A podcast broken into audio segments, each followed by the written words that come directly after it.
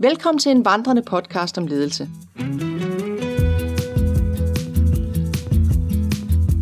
Mit navn er Christine Karlshøj, og jeg er din podcast vært inde. Det er mig, der stiller de coachende spørgsmål til en leder, mens vi vandrer. I podcasten Næste Skridt, der bliver du som lytter inviteret med ind i lederens hemmelige rum, den coachende samtale. Vi tager i hver episode et ledelsesdilemma op, hvor jeg coacher en modig leder i forhold til en ledelsesudfordring. Jeg har skabt en filosofi og en metode til udvikling og forandring. Og den filosofi bruger jeg i podcasten til at se mennesker som unikke individer. Det sidste spørgsmål i podcasten er altid, hvad er dit næste skridt? Velkommen til. Velkommen til Næste Skridt, en podcast om ledelse. Og i dag der skal vi snakke om procesdesign. Og vi skal snakke om procesdesign, der skaber rammer for ledelse. Og øh, vi starter lige et helt andet sted. Fordi øh, podcasten i dag er delt op i to afsnit. Øh, først vil jeg gerne fortælle dig en lille anekdote. Og derefter så vil jeg gerne øh, læse op af bogen Ser du mennesket? Inspiration til ledelse og design af forandringsprocesser. En bog, jeg har skrevet til ledere om, hvordan man kan bruge procesdesign i ledelse. Men allerførst, så, øh, så kommer afsnittet i dag til at handle rigtig meget om, hvad det er, der ligesom giver impulsen. Altså, hvad er det egentlig, der får vores puls i gang?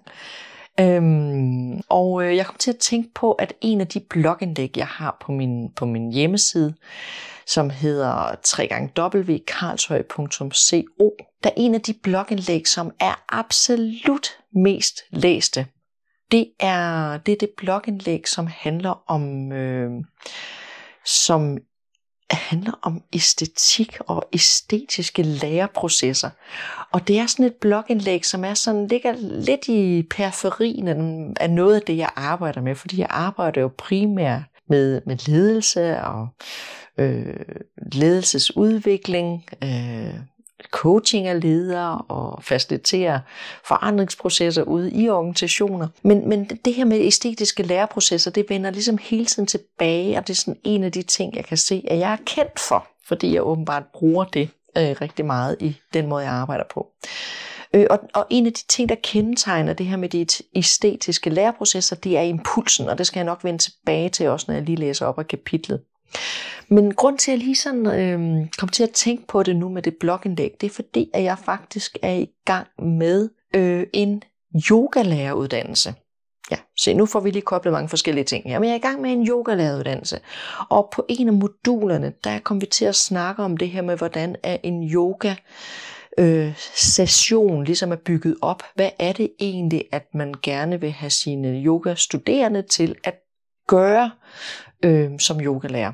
Og en ting af de her, som mange af jer, der kender yoga, så, er der nogle forskellige øvelser, man udfører øh, for at få et godt stræk, eller blive smidig, eller øh, styrke musklerne, eller hvad det nu kan være. Men, men de her praktiske øvelser handler jo også om at få, ligesom en, få en forbindelse til noget, der er højere end os selv. Øhm, og, øh, og der havde vi besøg af en, en, en skuespiller den ene gang på, på, på vores uddannelse der, og, øh, og han gav mig simpelthen linket til, hvordan at mit arbejde med æstetiske læreprocesser, og det her med at arbejde med yogaen, og det her med at arbejde med ledelse, pludselig gav det hele mening for mig. Øhm, noget af det, vi nemlig snakker om, det er, at når, man, når vi snakker om, øh, om, om æstetisk læring, så bruger vi sådan tre udtryk, øh, som faktisk er indtryk, udtryk og aftryk. Indtryk, udtryk og aftryk. Hvis vi starter med at kigge på indtryk, så handler det om inspiration, vi får udefra. Det kan være fra noget, der er højere end os selv, altså vi kan få noget inspiration fra universet, noget spirituel inspiration. Det kan også godt være, at vi ser en kunstudstilling, eller vi hører noget musik, som inspirerer os. Altså vi får simpelthen sådan en impuls ind, som på en eller anden måde giver en inspiration. Det kan vi føre over til et udtryk. Altså det, at vi udtrykker os. Og det kan for eksempel være, øh, hvis vi nu tager yogaen, at man udtrykker det igennem en stilling eller en øvelse. Det kan også være, når vi arbejder med, med, øh, med noget kreativt, at vores udtryk kan være en, en collage, eller et maleri, eller en dans. Altså vi udtrykker os. Og det sidste, det er så aftryk. Hvad er det for et aftryk, vi sætter med vores udtryk. Altså hvilket aftryk sætter det? Det kan for eksempel være et aftryk i mig af glæde. Det sætter et aftryk ind i mig, at den yogaøvelse, jeg laver, eller det teaterstykke, jeg udfører, at det gør mig glad, eller det gør mig ked af det, eller det rører mig på en eller anden måde. Altså det sætter simpelthen et aftryk i min krop. Så når vi arbejder med det her med, med impulsen, så, så snakker vi om indtrykket, altså inspirationen, udtrykket, hvad er det, jeg udfører, og aftrykket, hvad sætter det her aftryk i mig.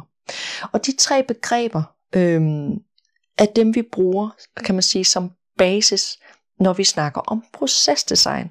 Hvordan er det, vi skal lede? Hvordan er det, vi skal sætte rammerne for en proces?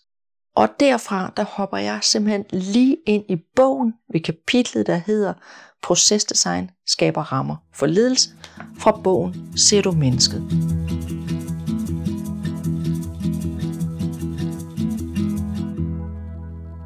Procesdesign skaber rammer for ledelse. I dette afsnit der vil jeg fortælle dig om, hvordan procesdesign kan hjælpe dig med at skabe gode rammer for din ledelse. Lad os starte med det vigtigste, impulsen. Malcolm Ross viser i sin model, hvordan bevægelsen går fra den første impuls over proces til udvikling af et produkt. Jeg har brugt modellen flere gange i forbindelse med æstetiske læreprocesser, som jeg fortæller mere om i næste afsnit. Det interessante i modellen her er impulsen. Men hvad er det, som tænder lunden? Hvad er det, der får os til at spære øjnene op? Hvad skyder ideen i gang? Hvad er det for en impuls, der skal til for at få dig i gang med et projekt, som du ellers ikke troede var noget for dig? Den impuls er rigtig interessant at finde frem til, for når vi kender impulsen, så kender vi også motivationen for at skabe forandringer. Det er altså den første lille impuls, vi skal være nysgerrige på som ledere. Det er her, det magiske opstår i arbejdsopgaven. Og hold nu fast, for nu bliver det spændende. Impuls og motivation. Du kender sikkert følelsen af at få et stik i hjertet, når et menneske, du holder af, kommer til at såre dig. Eller følelsen af, at det knager i hjernen, når du får en god idé. Det kan også være, at du kender følelsen af at have uro i kroppen, eller sidren i benene, når lysten til at løbe hen imod noget trænger sig på. Stikken i hjertet, knagen i hjernen og uroen i benene er alle sammen impulser, som du kan mærke i din krop. Impulserne er fysiske udslag, som hjælper dig med at forstå en følelse, der rører dig. Når vi oversætter impulsen som en følelse til motivation af andre mennesker, så ved vi, at vi skal bruge en katalysator for at skabe en motivation. Og ordet motivation kommer af det latinske ord movere, som betyder at bevæge eller flytte. Motivation er den betegnelse, vi bruger for at få en bevægelse fra A til B. Det er impulsen, som skaber movement, moveren. Det er impulsen, som skaber bevægelsen forud for selve motivationen. Hmm. Det er altså en beskrivelse af den bevægelse, som er i gang. Hele kernen i motivation ligger i impulsen. Du kender sikkert mennesker, der fortæller, at de brænder rigtig meget for deres arbejde, at de er glade for det, de udretter på deres arbejdsplads. Og hvis man spørger ind til, hvad det er, de er glade for, så kan det være, at de synes, de har gode kollegaer, at frugtordningen er lækker og arbejdsopgaverne passer rigtig fint til deres kompetencer. Disse beskrivelser er fortælling om motivation for at gå på arbejde. Impulsen er det, der ligger bagved relationen til de gode kollegaer frugtordning og opgaverne. Impulsen kan for eksempel være den følelse, der opstår, når en kollega giver dig et kram, anerkender dit arbejde, eller når du glæder dig til smagen af moden pære fra frugtkurven. Impulsen er altså krammet, de rosende ord og smagen af moden pære på tungen. Når vi nu ved, at impulsen skaber motivationen, så kan vi også arbejde mere målrettet med sanserne i forhold til at skabe gode relationer mellem mennesker og derved skabe bedre arbejdspladser.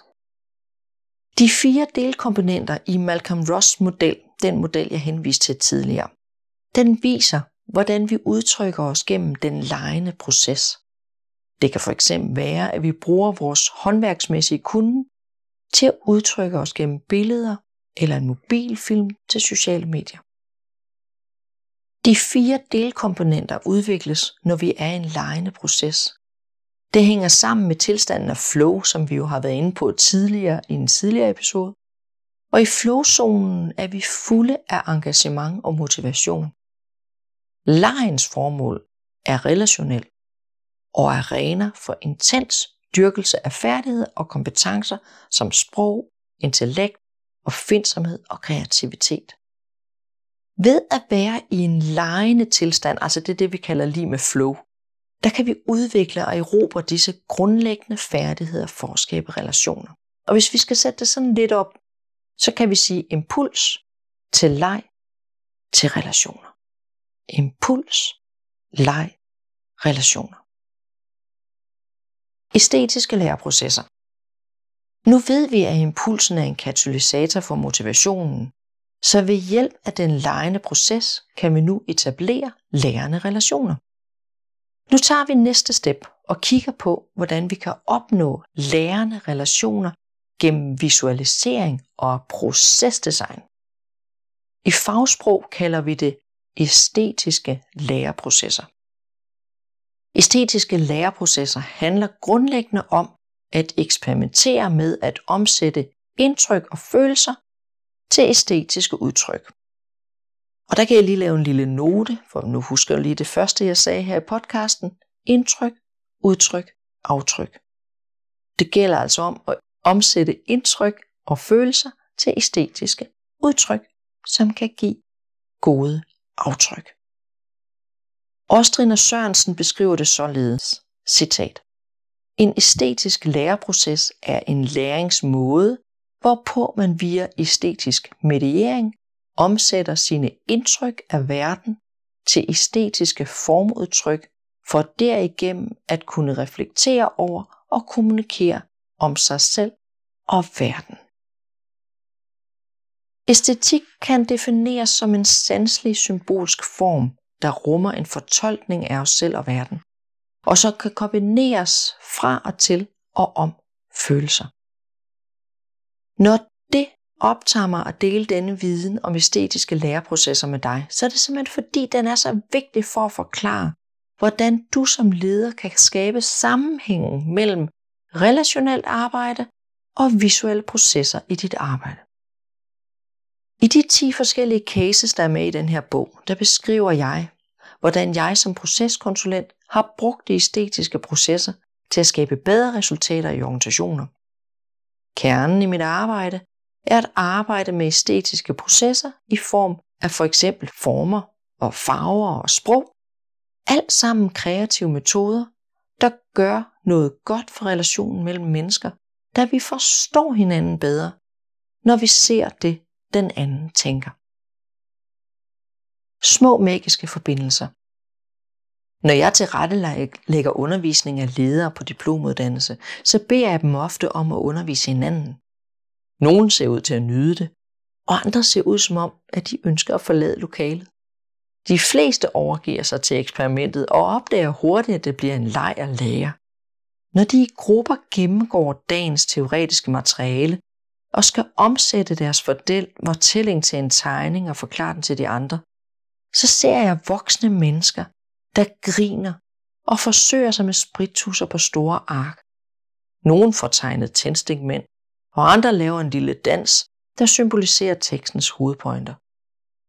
Når grupperne udtrykker sig kreativt, så har de det sjovt sammen, og de husker bedre den enkelte teori, frem for at se på en kedelig, teksttung powerpoint og høre på min stemme en hel dag. En anden pointe, det er at være fælles om noget. Det hjælper simpelthen den gode relation, hvis man er fælles om noget. Det kan fx være at i talesætte, hvad virksomhedens fælles opgave er. Det kan også være en idé at løse en fælles arbejdsopgave på tværs af fagligheder, eller udarbejde virksomhedens fælles værdier. Det gør ikke så meget, hvad det er. Det vigtigste er, at man gør noget sammen, og sammen skaber noget fysisk. Altså man får en fælles holdning til et bestemt emne. Vi kan kalde det en fælles identitet. Min erfaring er, at tætte, nærværende, omsorgsfulde relationer er essentielle for en stærk udvikling som menneske. Og det er med til at øge dit selvværd. Når du som leder begiver dig ud i det relationelle arbejde, så er du simpelthen med til at skabe små magiske forbindelser. En metode, som vi bruger meget inden for faciliterende ledelse, det er til det her med at skabe små magiske forbindelser, det er de tre ender. De tre ender, de står for nysgerrig, nærværende, neutral. De tre ender, det er et øh, sprogligt greb, hvor du som leder stiller dig til rådighed med en coachende tilgang af nysgerrighed til samtalen. Og det betyder, at du for eksempel ikke afbryder midt i en samtale, men lytter nysgerrigt til det, der bliver sagt. Du er nærværende og til stede i samtalen. Og skal ikke lige pludselig videre eller tage din mobiltelefon midt i det hele. Neutralitet er sværere at arbejde med som leder. Men jo mere du øver dig, det stærkere et redskab kan det blive.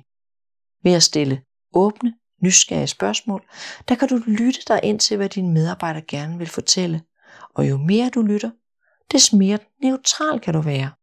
Og des bedre mulighed har de for at træffe egne beslutninger, uden at du skal blande dig i småting.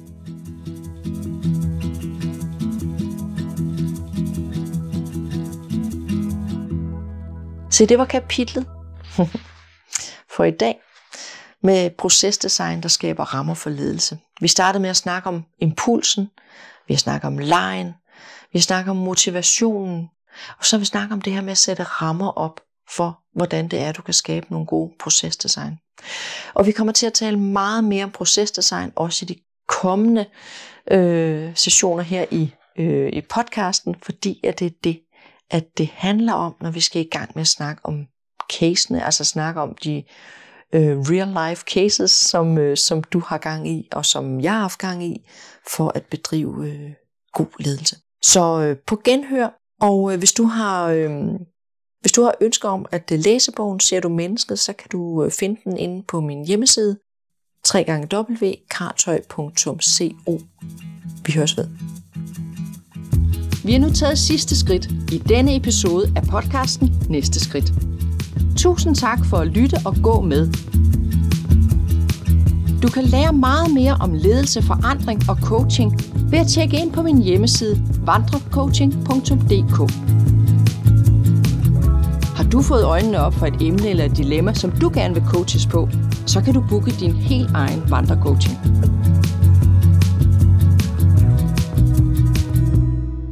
Podcast hvert inde Christine Karlshøj siger på gensyn. Vi lyttes ved, når jeg tager næste skridt sammen med en ny modig leder.